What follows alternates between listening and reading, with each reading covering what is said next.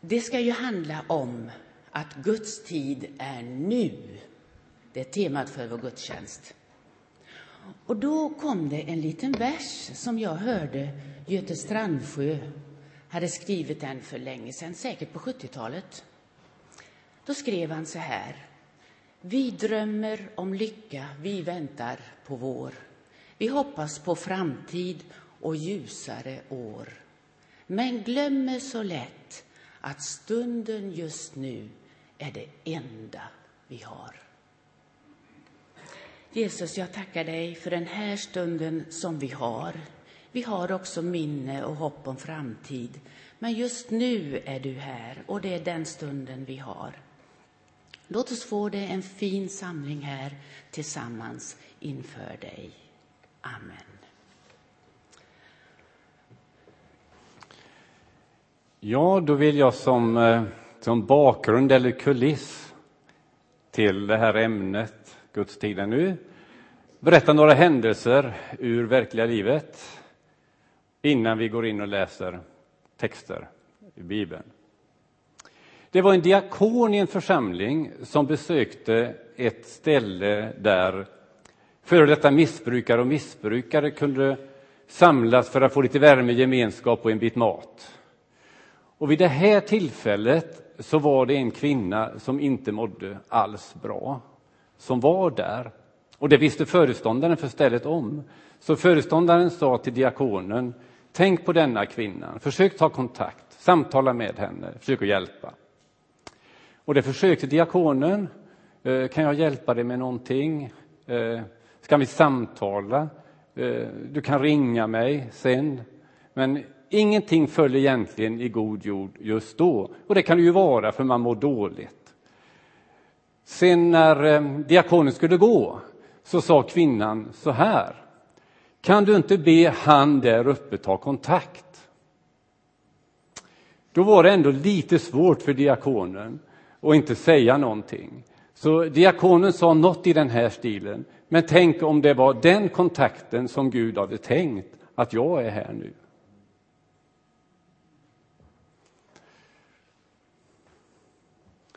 Vi måste se vad Gud vill göra i nuet och inte tänka han tar kontakt sen.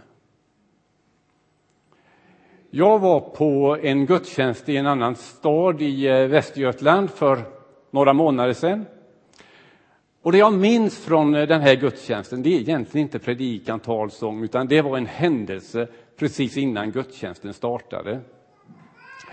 Vi var där och vi skulle vara tillsammans med vänner, så jag väntade nere i kyrkan bakom sista bänkraden på att de som vi skulle sitta med skulle komma.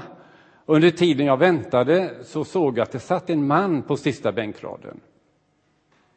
Och han tittade hela tiden mot ingången, liksom väntade att någon skulle komma. Tänkte han väntar väl på en kompis eller så, som man ska sitta med. Och han, varje gång som det kom någon in så vände han liksom nästan oroligt så här, väntande eh, blicken mot dörren. Och så kom då den som han hade väntat på uppenbarligen. Och då reste han sig från sin eh, bänkrad och gick till mötes den som kom. Och jag stod ju så nära så jag kunde höra. Då sa han, kan du förlåta mig det som jag gjorde, det som hände igår kväll?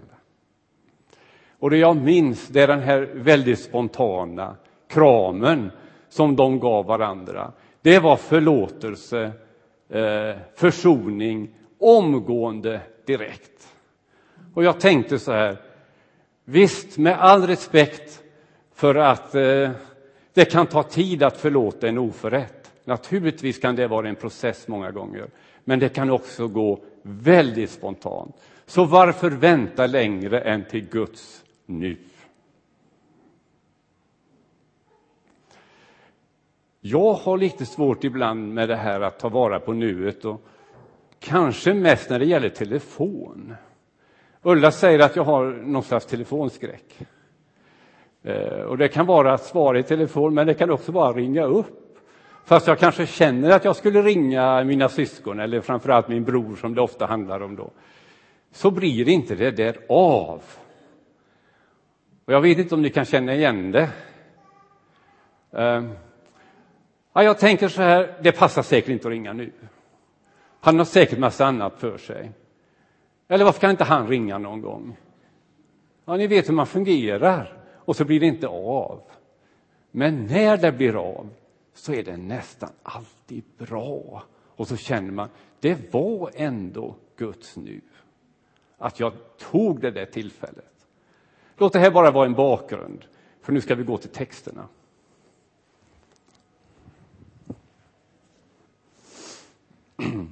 Herre, nu ber jag att du ska öppna ditt levande ord för oss så att det kan landa i våra liv och bli till stor glädje, hjälp och uppmuntran och också kanske till förändring i vårt sätt att vara, vårt sätt att tänka, vårt sätt att leva så att vi förstår att du är nuets Gud.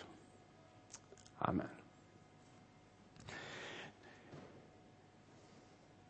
Jag kommer att läsa ur det jag tror är den senaste bibelöversättningen på svenska.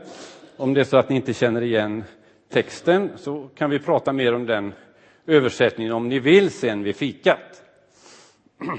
Den har gett mig lust att sträckläsa nästan Bibeln. För det är ju så som händer när man får en ny översättning. Då, eh, då läser man, i alla fall jag. Och det är ju en positiv sak med den, en väldigt modern svenska. Och vi läser först från Lukas kapitel 4. Och det är första tillfället eh, som Jesus trädde fram offentligt och talar i eh, synagogan i Nasaret.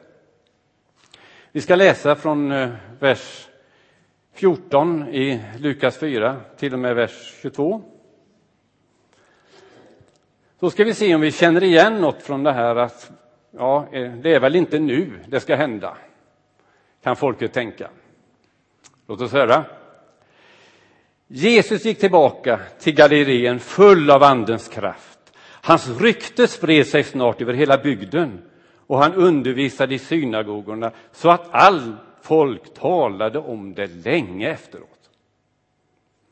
När han kom till sin barndomsby Nasaret gick han som vanligt till synagogan på sabbaten. När han reste sig för att läsa fick han bokrullen med profeten Jesajas skrifter. Han rullade upp den och fann stycket som lyder så här. Guds ande är hos mig. Han har utsett mig till att förkunna budskapet om goda nyheter till de fattiga. Sänt mig för att meddela de fångna att de ska friges och de blinda att de ska få se att befria de betungade och betryckta och förkunna detta är året då Gud griper in. Han rullade ihop texten, gav tillbaka den och satte sig. Alla såg spänt på honom, så började han tala. Och jag vet inte om detta är världens kortaste predikan, men den är i alla fall så här bara. Ni har precis hört skriftens skarpa historia. Denna profetia uppfylles just nu i denna stad. Reaktionen kommer nu. Alla som var där, som såg och hörde honom, förvånades över hur väl han talade. Men de började också muttra. För han var ju egentligen bara Josefs pojk, som de hade känt sedan han var liten. Jag vet inte om ni känner igen er, men jag känner igen mig lite grann ibland i detta muttrande. Det är säkert inte nu. Det är mycket mer troligt att det är sen eller någon annan eller ett annat tillfälle eller på ett annat ställe. Och det är ju faktiskt så att fortfarande så väntar många judar på att detta ska hända som egentligen hände då. Och de har fortfarande missat Guds nu vid detta tillfälle. Det är lika svårt då som nu. Det finns alltid ett men. Det finns alltid de som muttrar. Och jag är nog kanske ibland en av dem.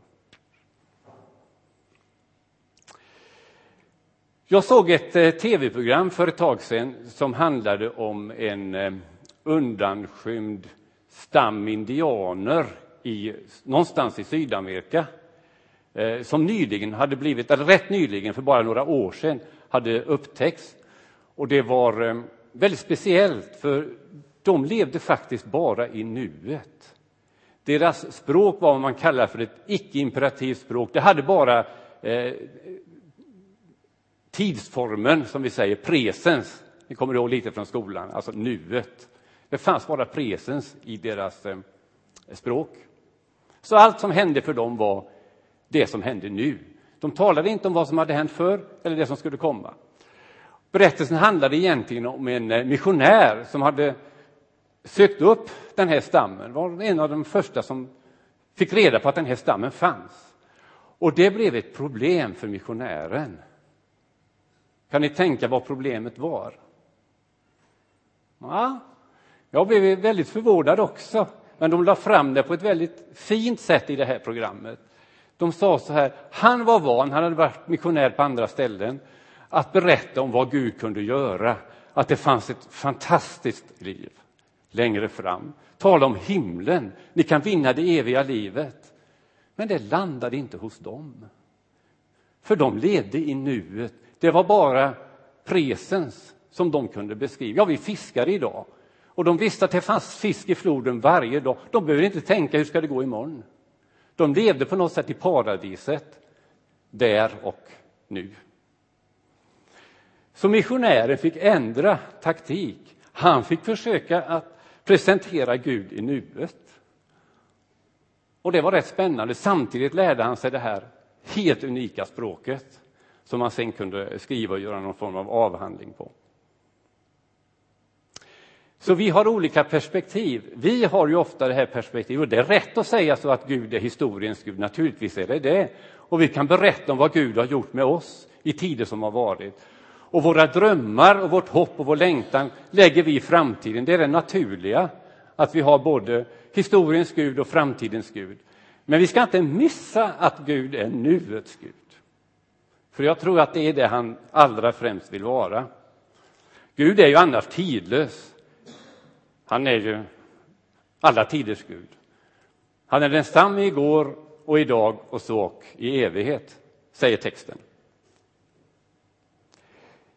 Anledningen till att jag har valt det här ämnet är egentligen någonting som hände på en ledarsamling i den här församlingen. Det var sista ledarsamlingen vi hade förra året.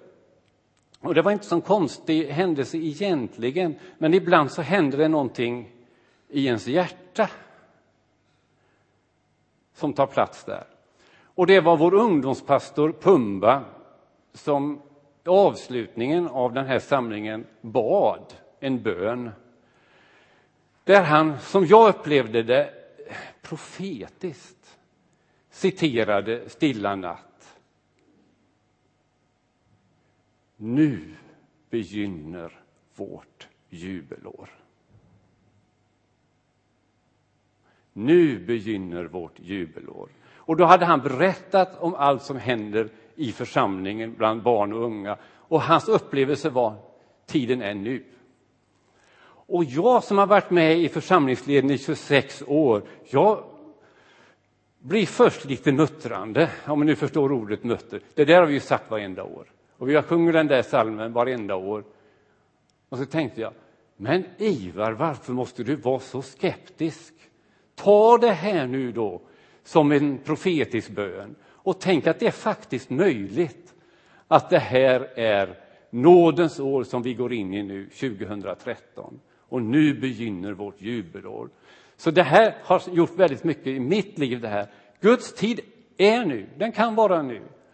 Och eh, vi kan tro på det. Nytt år, nya möjligheter, nytt hopp. Det finns så mycket som talar emot. Det finns så mycket som kan göra oss till muttrare, eller hur? Det finns så mycket lidande, elände, ensamhet, sorg och sjukdom. Det finns många skäl att ge upp. Eller i alla fall att ingenting göra. Men det finns också något annat, allt det som talar för. Det finns nåd och frid från honom som var, som är och som kommer. Det handlar mycket om vår attityd. Kan vi ändra muttrarattityden till något annat?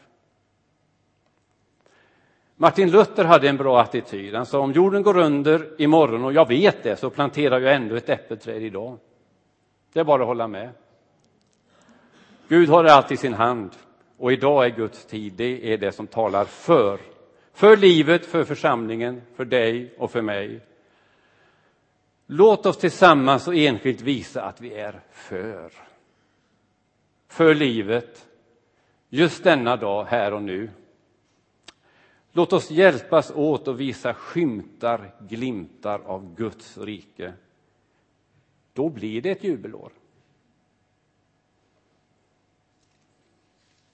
Gud är som sagt beroende av människor, diakoner och andra. Om ni kommer ihåg inledningen. Nästa text handlar just om det här, en skymt av Guds rike. Och då är det första undret som eh, Jesus gör. Vatten till vin. Och jag vill läsa hela sammanhanget, fast det är igen bara själva slutklämmen eh, som jag funderade på att delge till er. Men vi läser hela sammanhanget för helhetens skull. Och då är det eh, Johannes evangelium kapitel 2, verserna 1-11. Tre dagar senare var det bröllop i byn Kana i Galileen. Jesu mamma var där. Jesus och hans lärjungar var också bjudna. På bröllopsfesten började vinet ta slut och Jesu mamma talade om det för honom. De har nästan slut på vin. Har det med oss att göra? Det är inte dags för mig än. Stressa mig inte. Alltså, vi kan stanna där och fundera. Jesus var också där och tänkte, det är inte nu. Fast det var nu.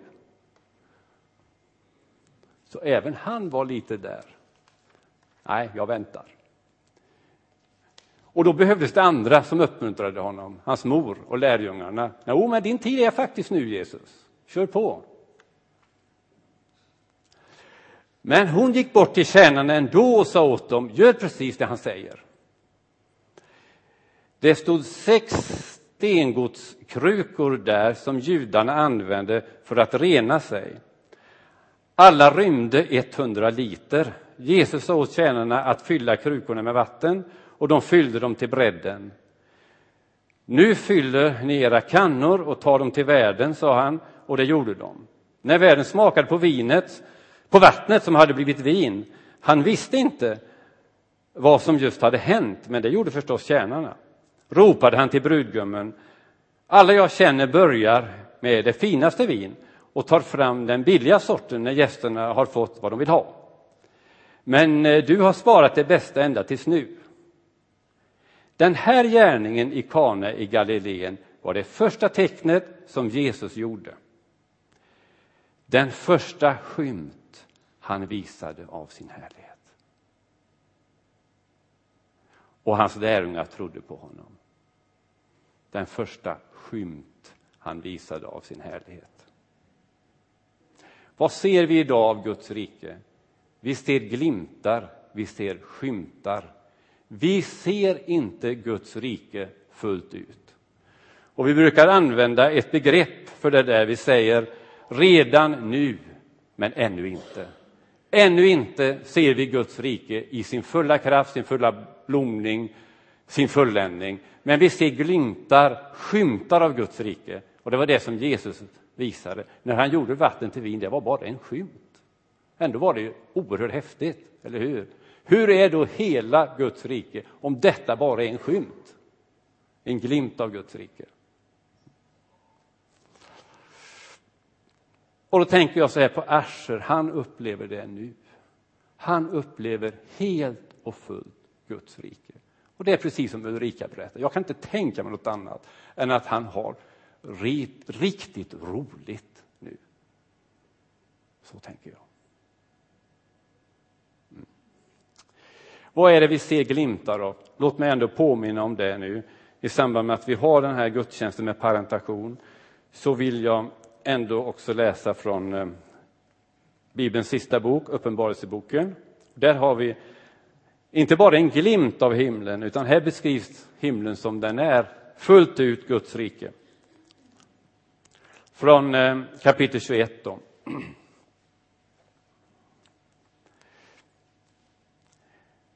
Jag fick se himlen och jorden nyskapade.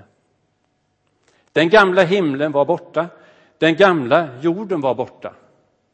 Havet var borta. Jag såg det heliga Jerusalem nyskapat komma ner strålande skönt från himlen, redo för Gud som en brud för sin brudgum. Och jag hörde en dånande röst från tronen. Titta, titta, Gud har flyttat in hos er, hem till människorna. De är hans folk och han deras Gud. Han ska torka alla tårar från deras ögon. Döden är borta för alltid. Inga fler tårar, inget mer jämmer, ingen smärta.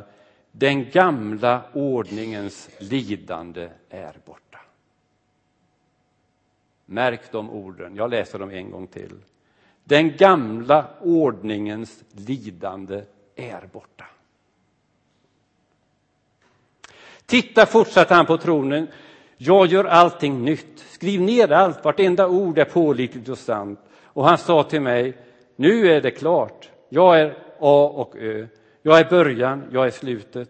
Alla som är törstiga ger jag vatten gratis från livets källa. De som segrar ärver allt detta. Jag kommer att vara deras Gud och då, de kommer att vara mina barn. Där har vi Guds rike fullt ut. Men än så länge, här och nu, så ser vi bara glimtar, skymtar av det. Jag vill citera ett par ord till som handlar om eh, Guds ord, Bibeln, att det landar i nuet. Ta bara till i de här, jag kommer inte lägga ut dem för vi har inte tid med det. Så här står det i Andra Korinthierbrevet. Jag bönhör dig i behaglig tid och jag hjälper dig på frälsningens dag. Se, nu är den rätta stunden. Nu är frälsningens dag. Nu. Ni som var med förra söndagen fick höra ett par häftiga vittnesbörd från Sture och Nahid. Jag tänker speciellt på Nahid just nu, för att det var Guds absoluta timing. Hon skulle till Arbetsförmedlingen och prata med eh, handläggaren där. Och fem minuter innan hon skulle in och träffa handledaren så fick hon ett telefonsamtal med beskedet att hon hade fått ett arbete. Och det var ju det hon hade bett om. Så det var Guds liksom, nästan humoristiska timing fem minuter innan. Så efter fem minuter hon hade tagit telefonsamtal, ja det är klart jag tar det. Så gick hon in till handläggaren och sa, jag fick ett jobb nu för fem minuter sedan. Alltså, Roland Lindahl och jag, Eh, vi gör ju församlingsbladet och vi har många gånger i det sammanhanget och i en del andra sammanhang under förra året sagt fantastisk timing. Jag tror att många av er har hört Roland säga detta, vilken timing. Så lite på skoj, men ändå kanske skulle kunna bli allvar om vi hade tid, så skulle vi kunna skriva en bok om förra årets händelser som heter Guds timing eller Varför inte Guds tid är nu. Och sista kapitlet skulle vi bli Nahid skriva eh, utifrån Arbetsförmedlingen. Ni kan intervjua Roland, det är ju han som gör alla intervjuer i vår församlingsblad, men han har aldrig blivit intervjuad själv. Men mitt tips är, intervjua honom och fråga vad kan du säga om Guds timing 2012? Då får du höra. Vi har fått en speciell hälsning till vår församling i den tid som är nu. Och jag upprepar den, för vi har fått den i olika sammanhang och från olika människor som har gett oss hälsningar i samband med vår nya föreståndare Ingemar Tidefors började det ju. Säger ni inte att det ännu är fyra månader kvar till skörden? Men så jag säger er, lyft blicken och se hur fälten har vitnat till skörd nu. Guds tid är nu. Jesus säger vid många tillfällen, speciellt i Johannes evangeliet, så säger han, han talar om sitt uppdrag som stunden han säger att han har kommit till jorden för en särskild stund. Och vad är det för specifik stund han tänker på? I den här texten skulle i en annan översättning stå det min stund är inte kommen än, sa han i samband med det här undret, eh, vatten till vin. Min stund är inte kommen än. Och den stund han tänkte på då var ju det som han egentligen kom för, det som han skulle göra när han dog för oss på korset. Det är hans stund, hans nu. Då skänkte han nåd och försoning och i uppståndelsen besegrade han dödens makt. Därför kan aposteln Paulus säga, som vi citerade här, på andra sidan korset då, nu är den rätta stunden, nu är frälsningens dag, för Jesus har gjort det. Hans stund har varit. Tack vare Jesu försoning så lever vi i en tid av nåd, där varje dag är frälsningens dag och där varje nu är ett ögonblick av nåd. En gåva att förvalta. Som avslutning vill jag säga någonting om Guds presens. Vi hörde om de här indianerna som bara levde i presens. Och då tänkte jag lite så här, jag har skrivit ner det och nu kommer jag läsa då, för det sparar faktiskt tid. Presens är Guds äkta tidsform. Nuet bär verklighetens kännemärke i långt högre grad än både det förflutna eller det kommande. Det förgångna såväl som det som ska komma har större osäkerhet än nuet, för vårt minne brister och vi kan inte veta om framtiden så mycket. Det mest odiskutabla och handgripliga som vi har, det har vi i vår nupunkt. Ta vara på det under det att det kanske blir en tystnad i samband med nattvarden. Ta vara på den tystnaden och låt det bli ditt eviga nu. Gud är nuets Gud. När vi är närvarande i nuet så kommer vi i relation med själva verkligheten, både det mänskliga och det gudomliga. När vi är rotade i vår nupunkt har vi kontakt med oss själva och med själva livet. När vi vilar i ögonblicket så rör vi vid livets verklighet. Vi känner oss mer verkliga om vi tar vara på nuet. Och så en liten tanke också med Ascher kanske. Jag ska be Bengt-Åke eller någon fixa den här, den, den, flippar ur den här, men vi tar det sen. Jag blir bara lite störd av det. Men Ascher, i ögonblicket finns en öppning mot den eviga världen. Nuet och evigheten är släkt med varandra. När man är helt närvarande i nuet kan man ibland få en evighetsförnimmelse. Det är som om tiden står stilla. Man anar evigheten mitt i tiden. Det är vanligt att man tänker sig evigheten som en oändlig mängd av tid. Men det här tänkesättet, då kan det nästan verka lite långtråkigt att ha kommit till himlen. Men evigheten är långt mer än obegränsad tid. Den är besläktad med tiden, men har samtidigt en helt annan dimension. Evigheten är annorlunda. Gud är av evighet. Han lever i ett ständigt presens. Han står utanför tiden samtidigt som han finns hos oss som lever i tiden. En känd munk, Johannes av Korset. Ingalill känner säkert till honom. Och pingstpredikanten, som jag känner till lite då, Sven Lidman. Förlåt Ingalill. De brukade båda tala mycket om Guds eviga nu. Gud finns av evighet i ett nu där han är totalt närvarande och i full harmoni. Han är fridens och glädjens Gud. Och att dela evigheten med honom kan knappast vara långtråkigt. Det är sannolikt roligare än något som vi kan ana.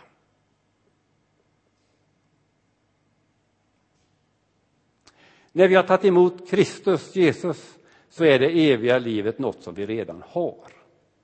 Här och nu. Men det är också något som vi väntar på. Vi bär redan nu Guds eviga liv inom oss, men väntar på att hela vår varelse ska förvandlas av detta liv när Jesus kommer tillbaka eller när han hämtar oss hem till sig. Detta underbara hopp kan vi i tron se fram emot samtidigt som vi lever här och nu. Jag vill ta de här bibeltexterna en gång till som avslutning så får ni gärna bära med er dem sen. Jag bönhör dig i behaglig tid och jag hjälper dig på frälsningens dag. Se, nu är den rätta stunden. Se, nu är frälsningens dag. Om du som lyssnar på det här känner att för mig är den rätta stunden nu. För mig är frälsningens dag nu. Då finns det de som vill samtala med dig efteråt. Efter nattvarden så kommer vi erbjuda det. Och samtalen sker där borta Eh, i viss avskildhet i lilla salen. Det är ett erbjudande för du som känner att du vill ta vara på att Gud är nuets Gud för dig, här och nu. Säger ni inte att det ännu är fyra månader kvar till skörden? Men se, jag säger er, lyft blicken och se hur fälten har vitnat till skörd. Det är en hälsning för oss troende medlemmar i församlingen att se skörden som har mognat utanför. Bland vår släkt, våra vänner, bland de som bor och bygger i det här bostadsområdet där vår kyrka är placerad finns en mogen skörd. Den hälsningen har vi fått. Tror vi på den? Tror vi att Guds tid är nu? Då ska vi handla därefter. Herre, låt det här ordet få bevaras i våra hjärtan.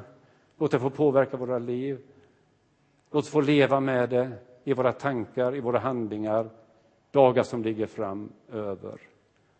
Välsigna oss var och en och välsigna denna församling att vara det som du har tänkt och att vi tar vara på att du är nuets Gud. Amen.